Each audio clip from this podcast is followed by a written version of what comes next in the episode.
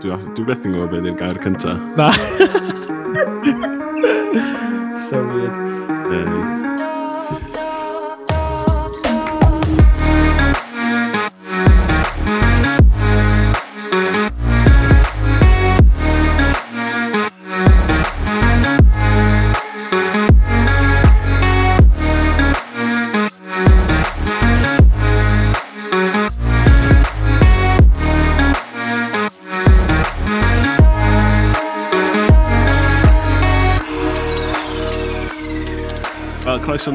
wnaethon ni ail ddechrau ar y sgwrs yma um, am yr ysbryd glân a gwaith yr ysbryd glân.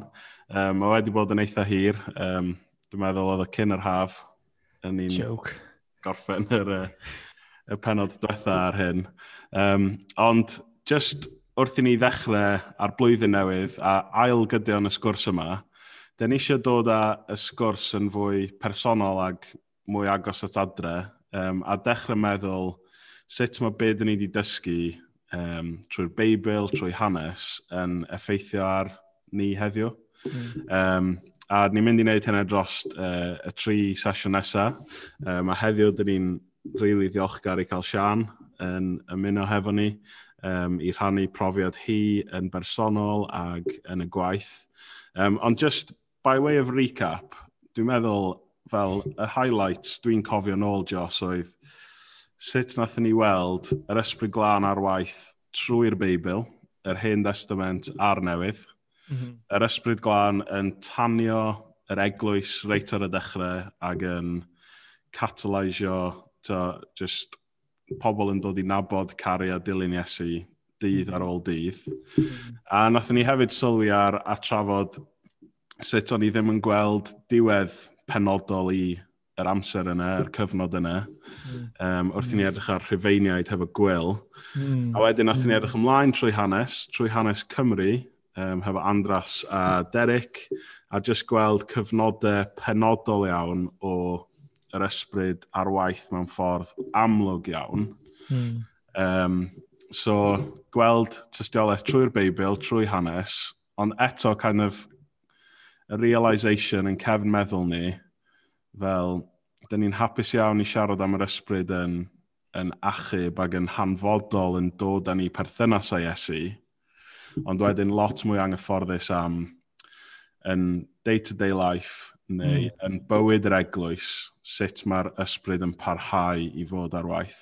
Mm. So dyna lle dyn ni'n really pigo fyny y sgwrs, a dyna lle ni gobeithio mynd i fynd dros y sesiynau nesaf. Um, a heddiw hefo, hefo ti, Sian. So diolch am ymuno hefo ni a pleser, braint. Diolch i chi. Amazing. What a joy. Siamwyn Rhys, ymuno a fyny ar y sgwrs, Steph. Och, this is... Wel, o'n i'n teimlo'r pwysau. Dwi'n eisiau gwastraffu amser, Sian. Dwi'n gwybod, mae Sian yn... Mae'n neud gymaint a mae'n literally ar hyn o bryd yn, yn dylanwadu yr, yr lad cyfan. So, Sian, ti'n cael impact amazing, uh, dwi'n gwybod, uh, enwedig yn y cyfnod clo yma, um, mae gymaint eglwysi môr ddiolchgar am beth ti wedi bod yn neud. So, mae'r ffaith bod ni hyd yn oed yn cael chydig amser chdi rwan, just yn... Ah. Mae just yn fraint, wir, just, just, um, dan, well, mae tri ohono ni nabod yn gilydd yn reit dda, and it's just anything for the kingdom mm. of hmm. God. Um, mae'r tri ohono ni mor ymwybodol, mae nid i ni, mm you know, it's not for mm-hmm. ourselves, nag di, mae o er mwyn i enw fo ac er mm-hmm. mwyn i deyrnas fo. So rhywbeth, unrhyw beth sy'n ymestyn i deyrnas, um, ie, yeah, fydd y tri ohono ni yna, so ni feddwl. Wel, wrach, oeddech chi efo Mark Drakeford bore dy llun, ond ti'n gorffen yr wythnos efo Steph a Joss. Wow. Wow. Three legends.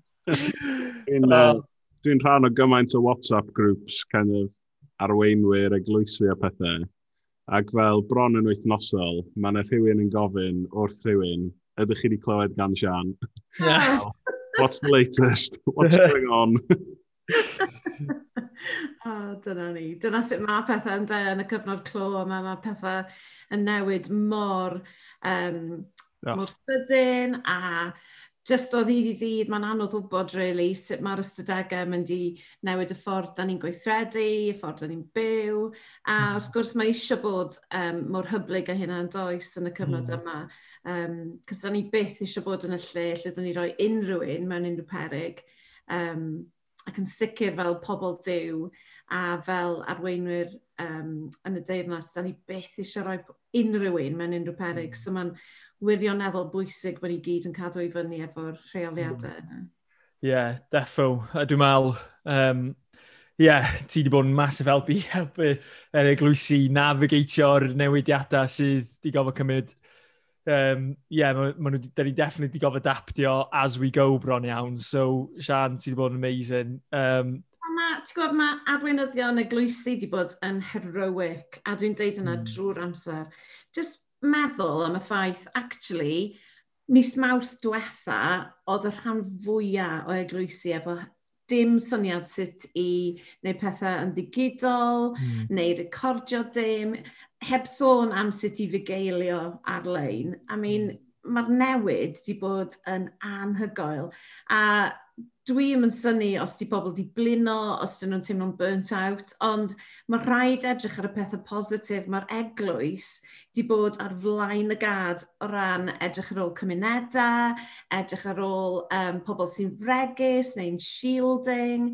Um, a mae hynny just yn dystiolaeth tydi, ffordd mae pobl diw yn caru pobl eraill, sy'n mae pobl diw um, mm. eisiau bod um, yn i weld, ddim just yn gwneud y peth iawn, ond i weld yn gwneud y peth iawn hefyd dros i pobl. So mae'n amazing, mm. mae arweinyddion wedi bod yn rhagorol, wir.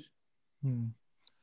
Do, mae yna wedi... Uh, Pryd ni'n meddwl amdan yr seismic shift sydd wedi digwydd i lot o eglwysi, dwi'n meddwl amdan quote cyntaf, dwi'n meddwl gan Rhys Llwyd uh, ar dechrau'r yr lockdown uh, heddiw mae rhan fwyaf glwysi Cymru yn symud o oes Victoria i'r ugeinfed, na unfed ganrif ar ugen, beth bynnag diolch. Anyway.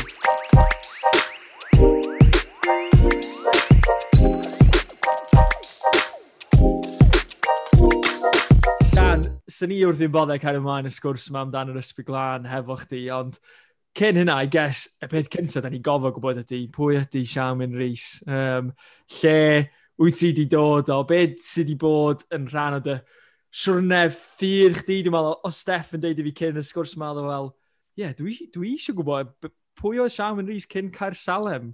Um, Mae'n wir. o Steff. Mae'n wir. Mae'n Mae rhaid ma fi cyfadda fel, to, erbyn hyn, ie, yeah, da ni'n nabod i'n gilydd, a to, be, be ydi bywyd heb Sian Rhys ddim mwy, cys uh, dyn ni gyd angen help ti dyddi yma, ond lle oedd y ti cyn Per Salem? Um, fel, be, be oedd ti'n neud? Oedd ti hyd yn oed yn byw yn Cymru? Fel mae'r rhaid o ti ddim.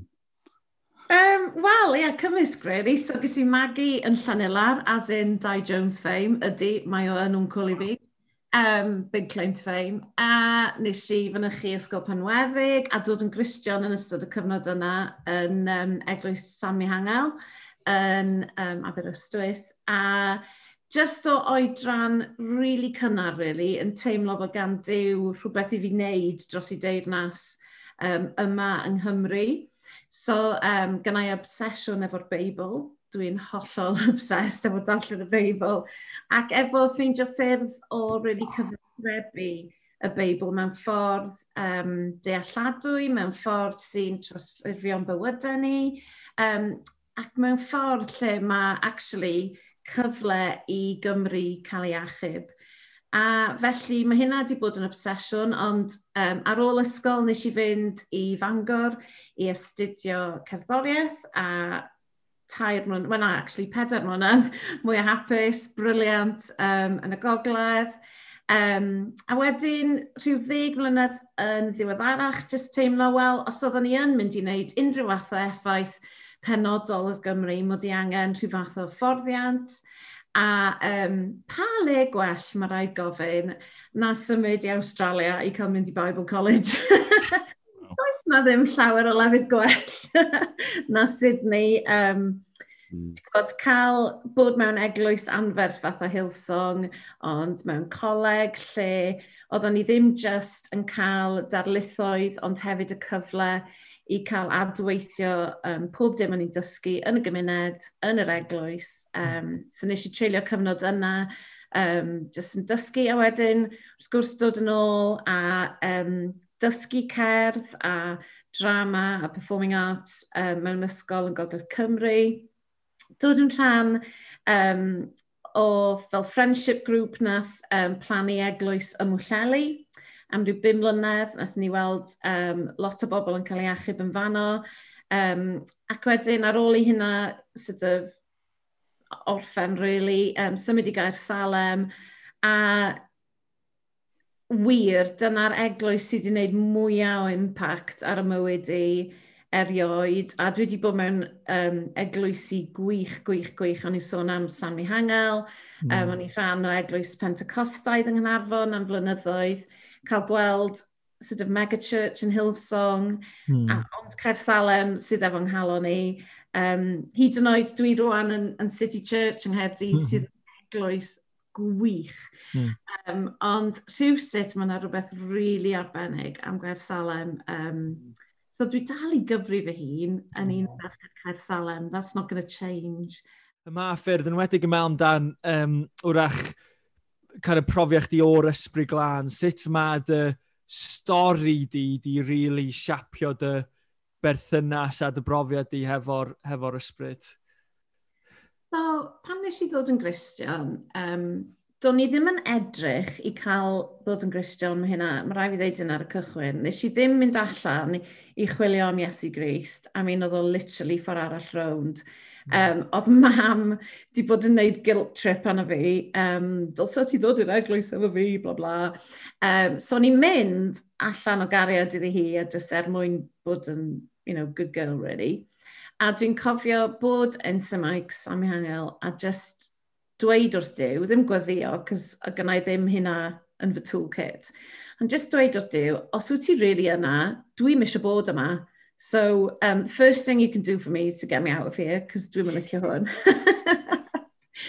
so, um, y reswm do'n i ddim yn licio bod yna ar y pryd oedd um, basically, oedd yr eglwys yn llawn, ond mi'n oedd yna ganoedd, oedd hyn yn fel heyday, Sammy Hangel, a just canoedd o bobl yna. A oedd nhw literally yn addoli efo popeth oedd gynnyn nhw. So, really canu allan, um, breichiau ar led, just like properly full-on worship. O'n i fel, mae rhain off i penna, mm. a hmm. dwi'n eisiau bod yma, mae'n embarrassing, dwi'n mm. bedair ar ddeg oed, mae rhain yn nutters. Mm. So go iawn, dyna be o'n i'n meddwl. a wedyn, um, digwydd bod, um, diwrnod Santes Dwynwen oedd hi. I know, I know, nes i ddod yn Grisian ar diwrnod Santes Dwynwen. um, o'n i yng nghefn yr eglwys a um, am y tro cyntaf, really, nes i just teimlo presenoldeb diw. Mm. A pan dwi'n dweud pethau fel yna, mae pobl yn medru dweud, but be, be oedd ti'n teimlo fel Mm. How come, sut nath o ddigwydd? Mm. A hmm. mae'n really anodd ei esbonio, just bod na rhyw ymdeimlad sort of really sanctaidd yn y hmm. lliw ti. A um, oedd o jyst yn hollol overwhelming, so ni fel, be ar y ddeiar? A ni jyst yn teimlo bod Dyw yn agos, bod o um, mewn rhyw ffordd jyst yn fel affirming bod o efo fi, doedd o ddim efo rhyw datgyddiad mawr na Thunderbolts and Lightning, oedd o just fel, dwi yma i ti. Mm. A wedyn, um, rhyw flwyddyn yn ddiweddarach yn Aberystwyth, yn um, drist iawn, iawn, iawn, nathon ni golli um, un o feibion y dre. A ni wedi bod yn ffrindiau efo'r um, bachgen yma ers, well, since birth really, oedd mam fi a mam fo yn ffrindiau ers coleg, a oedden ni yn yr un grŵp drama, A nath o syrthio'n farw yn, yn really sydyn rhyw bynawn di llun. Ac, um, so, oedd yr holl dre, I mean, mae ma Aber yn tre really bach, really, ac um, pawb yn abod i gilydd, a pawb mewn sioc llwyr. A dwi'n cofio mynd yn ôl i'r ysgol y bore wedyn, ac yn cael yn Ffraneg, gwers Ffraneg, efo Sian Owen, sydd yn Grisian hyfryd, hyfryd, hyfryd. Hmm. A um, just deud, Miss Owen, be fedrwn ni wneud i'r teulu yma? Sut fedrwn ni helpu? Cos yn bedr o ddeg oed, you know, you can fix the world, dim mm. problem. A Miss Owen, Sian, fel dwi'n cael galw hi rwan, yn hmm. dweud, um, does na ddim byd fedrwn ni wneud, gyd fedrwn ni wneud yw gweddio dros y teulu. A dyna'r unig sbardun o'n i angen, really. Reit, dwi'n mynd i weddio felly. So, um, er mwyn i cael y profiad yma o bresenoldeb diw, dy gynnau yn perthynas efo diw, really, tan y pwynt yna. A jyst cael y, y fraint o dechrau gwddïo dros y teulu, nath hmm. newid popeth. Um, Cos be oedd yn digwydd oedd, o'n i, on i jyst yn gofyn i diw, please, wneud i wneud rhywbeth. No Christianese yna o gwbl, o'n i jyst yn pledio diw i helpu. A um, dyna sut nes i mewn gwirionedd dysgu gwrando ar lais yr arglwydd. Cos o'n i'n teimlo, o oh, wel, mae'n ma, dechrau siarad efo fi. Um, mae hynna'n un o'r ffyrdd mae'r ysbryd glan yn gweithio, bod um, diw am gyfathrebu efo'i blant trwy'r ysbryd glan. A weithiau, oedd o just fel yn agor um, llygyd fi i weld rhyw sgrythyr, um, o'n i'n darllen e allan y Beibl, weithiau oedd o'n just fel um, yn rhoi di bresenoldeb unwaith eto. Hmm. Um, weithio oedd o'n dweud, you know, dwi am i ti weddio dros hyn a hyn, oedd o'n fath yn arwain fi weddio dros y beth. Mm. A dyna go iawn, nath meithrin perthynas fi efo Dyw trwy'r ysbryd glân. So doedd o ddim yn fel weird and wacky experience o gwbl. Oedd o hmm. just mor naturiol. O'n i'n gweddio a ni'n teimlo actually bod yr arglwydd yn dechrau siarad efo fi. A dyna, a dyna'r peth fel, da ni'n treulio gymaint o amser yn trafod a rhoi boxes o gwmpas pwy ydy Dew a be mae Dew yn gallu wneud, yn enwedig pan mae'n dod i'r ysbryd glan. Mm. Ond dwi'n meddwl weithiau, da ni jyst angen clywed profiad pobl a just yn y profiad yna, mae calonau ni'n just yn cynnesu i pwy ydy Dew go iawn mm. a hmm. bod o yn real a bod o really yn just ymyryd mewn i bywyd dyn ni ac yn cyfarfod yn ei lle dyn ni. Um,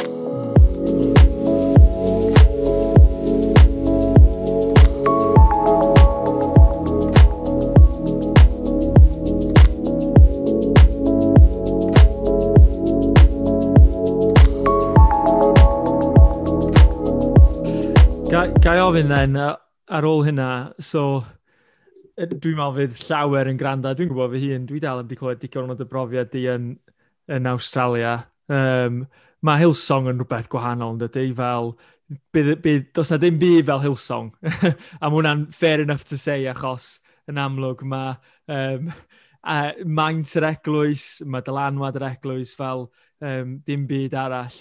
Um, be, sut brofiad oedd o fod yn uh, yn Hillsong yn, yn dysgu fanna, ond hefyd, I guess, sut ar i'r profiad o fod yn Sydney, wrach siapio dy, yeah, brofiad i o'r ysbryd glân a dy berthynas di, di efo'r ysbryd glân hefyd. I'd love to know. oh, mae yna gymaint i ddweud. Um, so pan nes i glanio llythrenol ar yr awyren yn Sydney, dwi'n cofio dod oddi ar yr awyren yn meddwl, dwi'n mynd nabod neb yn y ddinas yma. Mm. Dwi'n meddwl, mm, dwi'n mynd nabod neb yn y wlad hon. Dwi'n ni fel, actually, dwi'n mynd nabod neb yn yr hemisffer yma. a dwi yes. just fel yn cofio mynd i eistedd yn McDonald's, I know, um, just cael panad, just fel rhywbeth oedd yn familiar. Mm. A dwi'n cofio just fel cael sgwrs efo'r arglwydd a deud, dwi o'r hollol ar ben fy hun Mm. A fo jyst yn sort of dweud, dwi yma, ti'n nabod fi? A so oedd hynna fel, um, oedd hynna'n really sort of significant yn yr amser o'n i yna, cos ti'n gweld, o'n i yn merch y ben fy hun, o'n i'n 29, um, pen drawd byd, really. Um, just efo'r reiddwyd yma o cael nabod Iesu yn well, dyna'r unig rheswm nes i fynd yna. Um, mae yna loads a loads a loads o misconceptions ynglyn ag Hillsong, a maen nhw'n hyn, a maen nhw'n llall. Ond actually, eglwys leol ydyn nhw. Um, a dyna be oedd pawb, ges i pimp ffrind yn dod i'n weld i yn ystod y flwyddyn yna. A dyna i gyd oedden nhw gyd yn dweud, oedd, it's just a local church, isn't it? O'n i fel, yndi. Mae'n ma local church enfawr, o'na tua 3,000 um, ym mhob cyfarfod, ond mewn gwirionedd, oedden nhw'n neud yr union bethau dyn ni'n neud, sef cyfarfod, er mm. mwyn cael um, cymdeithas o'n gilydd, oedden nhw yn addoli, oedden nhw'n gwrando ar gair diw, a wedyn gweld sut oedd gair diw yn berthnasol i'w bywydau nhw. Oedden nhw'n gweddio fel dim byd erioed dwi wedi gweld y blaen. Mm. Um, ac efo ffydd bysa diw yn wir yn gweithredu ar ei um, gweddiau. Ond really, mae o mm. just yn eglwys. Mm. Um, so rhowch chi ffwrdd o'r holl glitz yn glamour, mae pobl yn gobeithio gweld trwy'r fideos. I mean, os y ti mynd i cael dy ffilmio ar gyfer rhywbeth sy'n mynd ar draws y byd, mwy na thebyg fysa ti yn rhoi um, dy wisg orau ymlaen. Dwi'n wallt. Ond um, heblaw am hynny, oedd o just fel flip-flops and jeans, mm. just eglwys normal. Mm. Uh, anhygoel. Mm. Ges ti gyfle i datblygu donia yna, Sian, ond na, yn wedi gwrach mal amdan Donia'r ysbryd, um, a I don't know. Sorry, Steph, dwi'n gofyn y cwestiwn yma gyd, ond dwi'n mynd i barhau. Um, dwi'n joio gymaint. Um, yeah, doni ar ysbryd. Um, o hwnna'n rhywbeth o'ch ti'n profi cyn Hillsong ar ei Hillsong dod ar hyn amlaen. Ie, yeah, be, be am chydig bach o stori chdi efo, efo hynna? okay, so o'n i wedi profi doni ar ysbryd hyd yn oed um, yn ôl yn Aberystwyth yn rhan o Sanwi Hangel. So dwi'n gwybod mod i yn dyddio fi hunan, ond um, pan nes i fod yn grisian, doedd alfa ddim yn peth. Felly dwi'n cofio oedd um, Sanwi Hangel di wneud y cwrs yma Life in the Spirit a just trio agor ein llygyd ni i weld pa mor naturiol yw cael yr ysbryd glân yn ein bywydau ni. Ac unwaith eto, doedd o ddim yn fel wed yn wacu, oedd o'n hollol naturiol. Cymaint felly, oeddwn ni'n dod adre o'r grŵp yma a yn eistedd ar gwely mam a dad a just dweud wrthyn nhw, wel, dwi wedi dysgu hyn a bron y bod dysgu iddyn nhw wedyn be o'n i wedi ddysgu'r noson honno. So, um, oedd o'n reit um, ymarferol, really. So, er enghraifft, yn um, cyntaf Corinthiad 12, mae o'n sôn am, wel, beth am um, dechrau proffwydo? O'n i fel, mm, hang on, don't know about that. Mae hynna'n swnio bit of a big deal. Ydy hynna jyst ar gyfer pobl penodol? Ac eto wedyn, o'n i'n medru mynd yn ôl at berthynas fi efo Dyw a dweud, actually, mae Dyw wedi bod yn siarad efo fi ers i fi ddod yn Gristion So ni fel, wel, sut mae'r proffwydo yma'n digwydd felly? A beth oedden ni'n neud, just fel grŵp bach, oeddwn ni'n eistedd mewn stafell, a just yn gofyn, dew oes gen ti rhywbeth i ddweud, unau trwy'r sgrythyr neu um, yn rhyw fath o air i ni.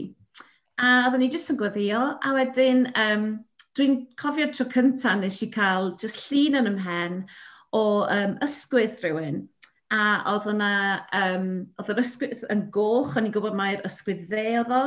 So nes i just dweud, um, os gen rhywun um, ysgwydd sy'n brifo?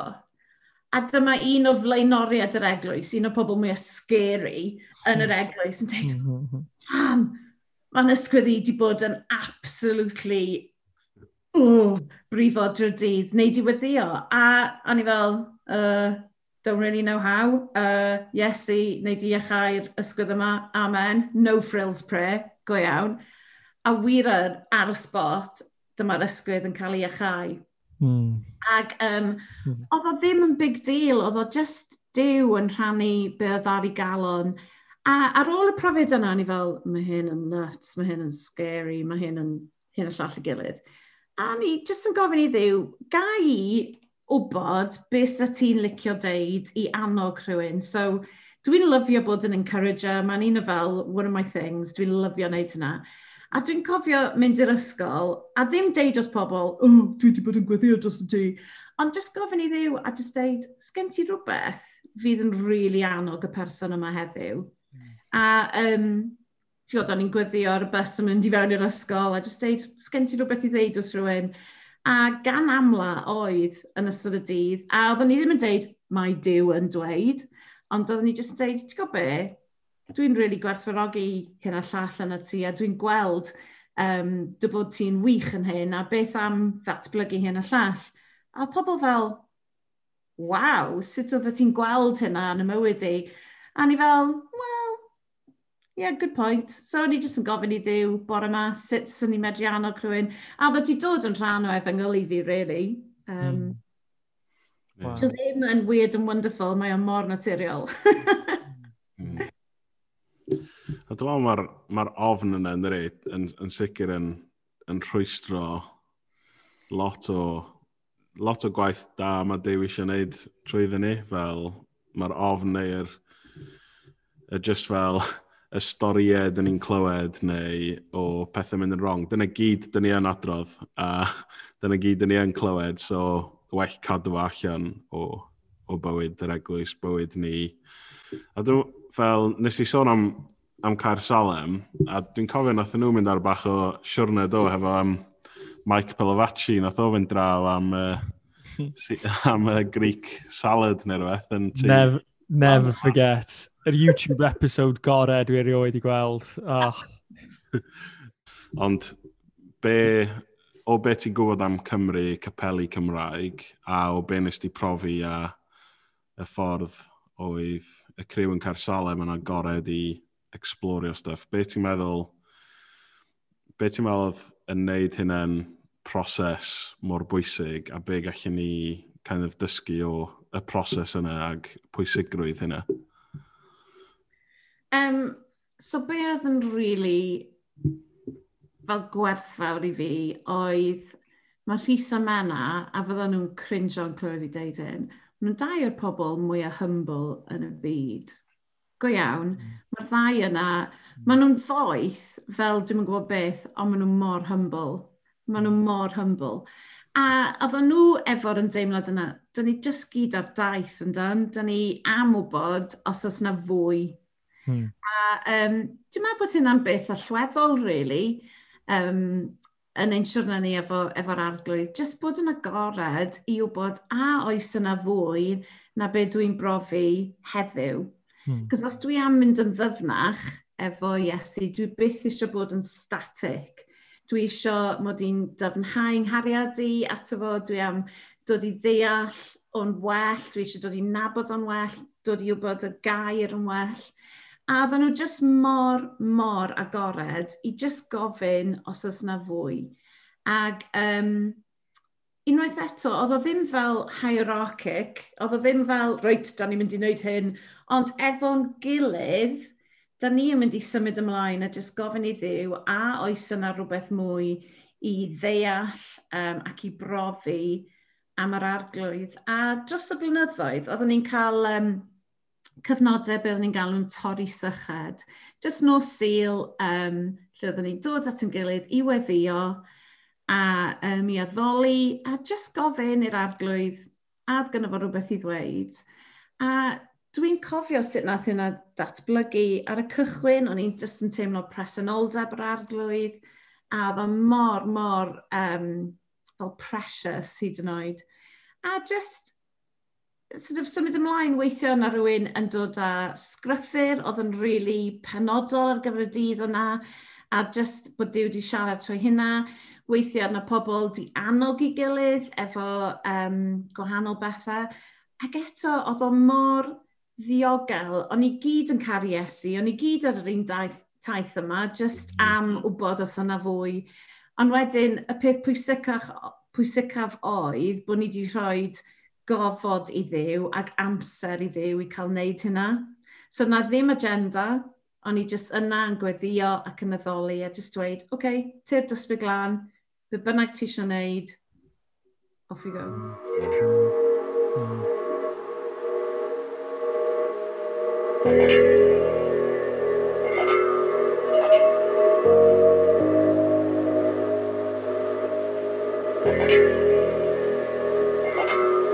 I guess mae hwnna'n dod yn i fewn i sgwrs da rwan. A gen i cwestiwn really bach yn personol, ond hefyd gan bod chdi Sian rwan yn dy rôl ti hefo yn, yn, yn efo scope da o eglwysi Cymru a be mae yn amlwg dew yn gwneud ac mae yna definite spectrum o eglwysi a lle maen nhw'n disgyn ar um, golwg nhw o'r ysbryd ar ôl yr ysbryd. Um, I guess cwestiwn personol ni i chdi ydy fel be wyt ti yn dyheu i weld o gwmpas um, ein glad ni. Um, be sy'ch chi'n licio'n bersonol gweld o ran gwaith yr ysbryd yn ein, yn ein eglwysi ni?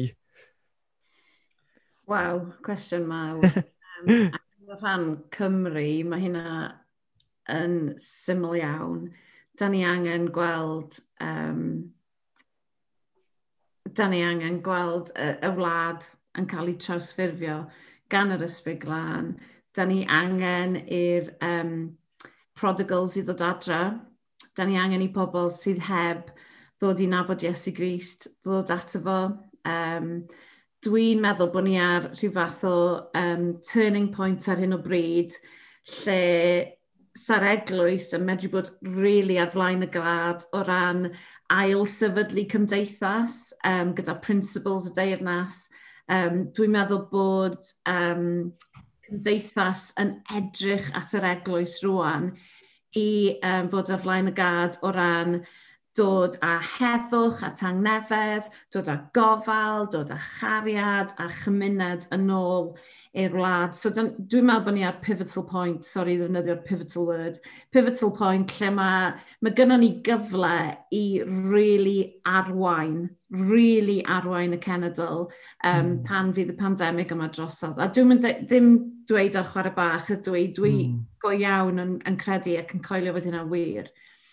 Um, mm. O ran eglwysu, o, oh, wyddwch chi be, mae gennau'r fraint o um, fod yn chwaer fach neu'n chwaer fawr pa bynnag ffordd mae edrych ar peth i eglwysu sydd yn reit um, sort of conservative um, a wedyn rhai reit Pentecostaidd hefyd. Ond beth sy'n wych ydy bod enw Iesu yn uno ni gyd. Hmm. Felly does yna ddim problem yn y dwy flynedd diwethaf, dwi'n wedi cael yr un problem o ran be wyt ti'n feddwl am yr ysbryd glân, Cys mae yna fwy yn uno ni na beth sy'n gwahanu ni. Mm. Mae hynna jyst yn wir. Um, da ni'n uno dan banner a um, iachawdwriaeth Iesu Grist, critical point. Um, ond wedyn dwi'n cael conversations wedyn efo rhai pobl sydd fel yn frustrated bod rhai eraill ddim um, cweit yn coelio'r un peth â nhw, a dwi fel, wel, yr unig peth fedra ni wneud yw bod yn role models da, um, yw bod yn barchus o'n gilydd ym mhob ochr yr supposed dadl, er, nid dadl ydi o, really, um, bod yn barchus caru'n gilydd, cofio be oedd gweddi Iesu um, pan oedd o'n um, yn gweddio oedden ni cael bod yn un fel oedd ac mae'r dryndod yn un. Um, Ond dwi'n gweld hi'n gymaint o hynny o broblem, mae rai fi ddeud. Dwi'n meddwl bod cyrsiau fath a cyrsiau alfa di wneud um, profiad ysbryd glân yn rhywbeth fwy normal.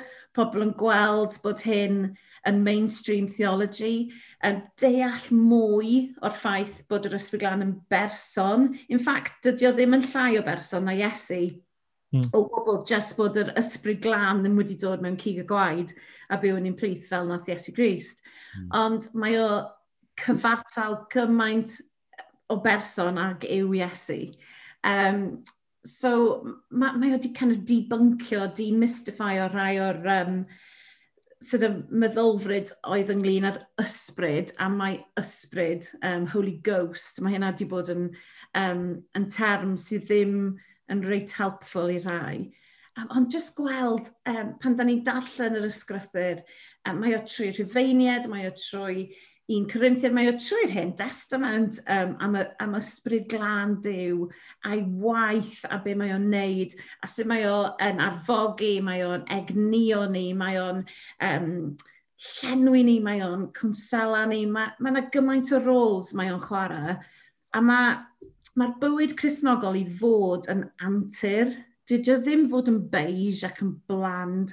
I mean, i fi, a mae hyn jyst yn, you know, Sian Winrys personol an, fedra i ddim darllen y Beibl heb ofyn i'r ysbryd glân i o leio y gwirioneddau fi.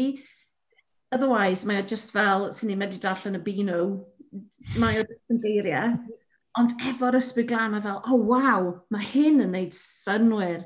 A um, ti'n gweld wedyn sut mae principles y deyrnas – um, yn gweithio a ti'n gweld, waw, dyma'r ffordd mae Iesu am i beth a bod. A mae yna fel datgyddiad yn dod a um, ti'n gweld sut mae un adnod yn cydweithio efo adnod arall. A mae, dyna lle mae'r amtur yn cychwyn, really, bod ti yn, um, yn gweld y gair am be ydi o, a mae'r ysbryd glân yn goleio um, y geiriau yna. A mae o wir yn trawsffurfio bod yn ni. Waw. Sian, na, mae hwnna'n... Ie, yeah, bod ni'n gallu un o gwmpas.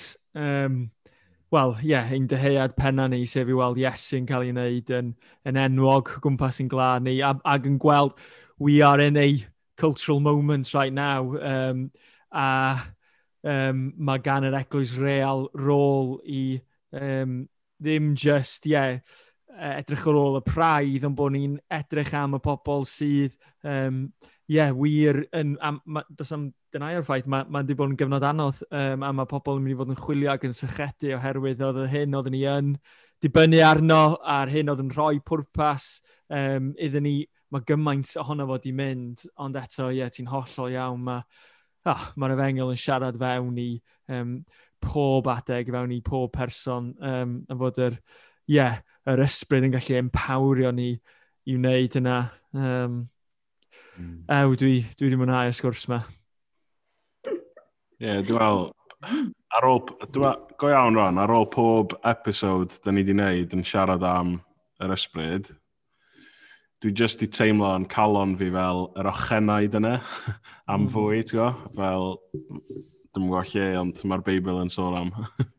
um, fel, just yr ochennaid am just profi yr torri sychyd yna. A Whereas dwi heb cael profiadau eang iawn mewn gwahanol cyd-destunau. Mae jyst clywed, wel, fel dyn ni wedi gweld y Beibl hanes, ond heddiw jyst profi profiadau ti a mm. um, y ffordd ti'n gweld pethau yn yr eglwys yng Nghymru. Ie, yeah, jyst i rei codi awydd eto i fi i profi yr ysbryd ar waith yn y fi ac mm. fi. So just, just i orffen, os mae yna, wel, i fi ag i rhywun arall sy'n gwrando sydd yn profi hynna fel, uh, just a frustration bron o bod, dwi eisiau clywed, profi mwy, dwi eisiau ta, bod yn cerdded mwy gyda'r ysbryd. So, be, be bysa fel hmm. kind of parting words i ni fel sut, lle byswn ni'n dechrau, lle, lle di'r lle i dechrau? Um, OK, um, na trio bod mor baptist y fedrau, cos hei, dwi'n ferch i gair salem. Pwynt un, gwna le. Bendant, just gwna le. Ti byth yn mynd i brofi'r ysbryd, heblaw bod ti'n rhoi cyfle i'r ysbryd i wneud be mae eisiau wneud. So gwna le. So os ti hynna'n golygu just um, gwneud god, cyfnod yn dyddwrnod i, just i eistedd, wrth draed Iesu fel petai a just syllu arno a deud wrth fod fod ti'n i garu fo, make a space, make a space, mae o mor bwysig. Rhif dau, os di hynna um, ddim yn ddigon a ti'n teimlo, well actually, mm, dwi'n yn teimlo presenoldeb yr arglwydd, well, buddy up, sy'n ni'n deud. Chwilio am ffrind sydd wedi cael profiadau um, efo'r ysbryd glân, o'i bresenoldeb, o ddew yn siarad, a just penderfynad bod ti am fynd ar daith lle mae'r arglwydd yn mynd i treinio ti, yn mynd i efforddi ti, yn mynd i addysgu ti, sut mae derbyn mwy o'r ysbryd glân. A wedyn, yn drydydd, really, um, just gofyn i'r ysbryd glân dro ar ôl dro ar ôl trwy llenwi ti i fatha, ie, yeah, ti'n iawn torri'r syched yna ar um, dyheuad yna sydd gen ti amdano fo. Cos dwi'n meddwl bod gweddiau fel um, arglwydd Iesu gael mwy o'r ysbryd glân, dwi'n meddwl bod hynna'n weddi hollol irresistible i'r tad. Mm-hmm, mm-hmm, dwi'n mm-hmm. meddwl sef o medru dal yn ôl wrth unrhyw un sy'n dweud, dwi actually am fwy ohono ti dysga fi arglwydd. Um, Cos mae hynna'n hollol irresistible. So gna le, ffeindio ffrind os ti angen o, a wedyn, dwi'n hyd yn oed cofio beth oedd y trydydd un. gofyn. Just gofyn. Just gofyn, ia, just gofyn. Sian, diolch yn fawr iawn iawn. Right, am blesar.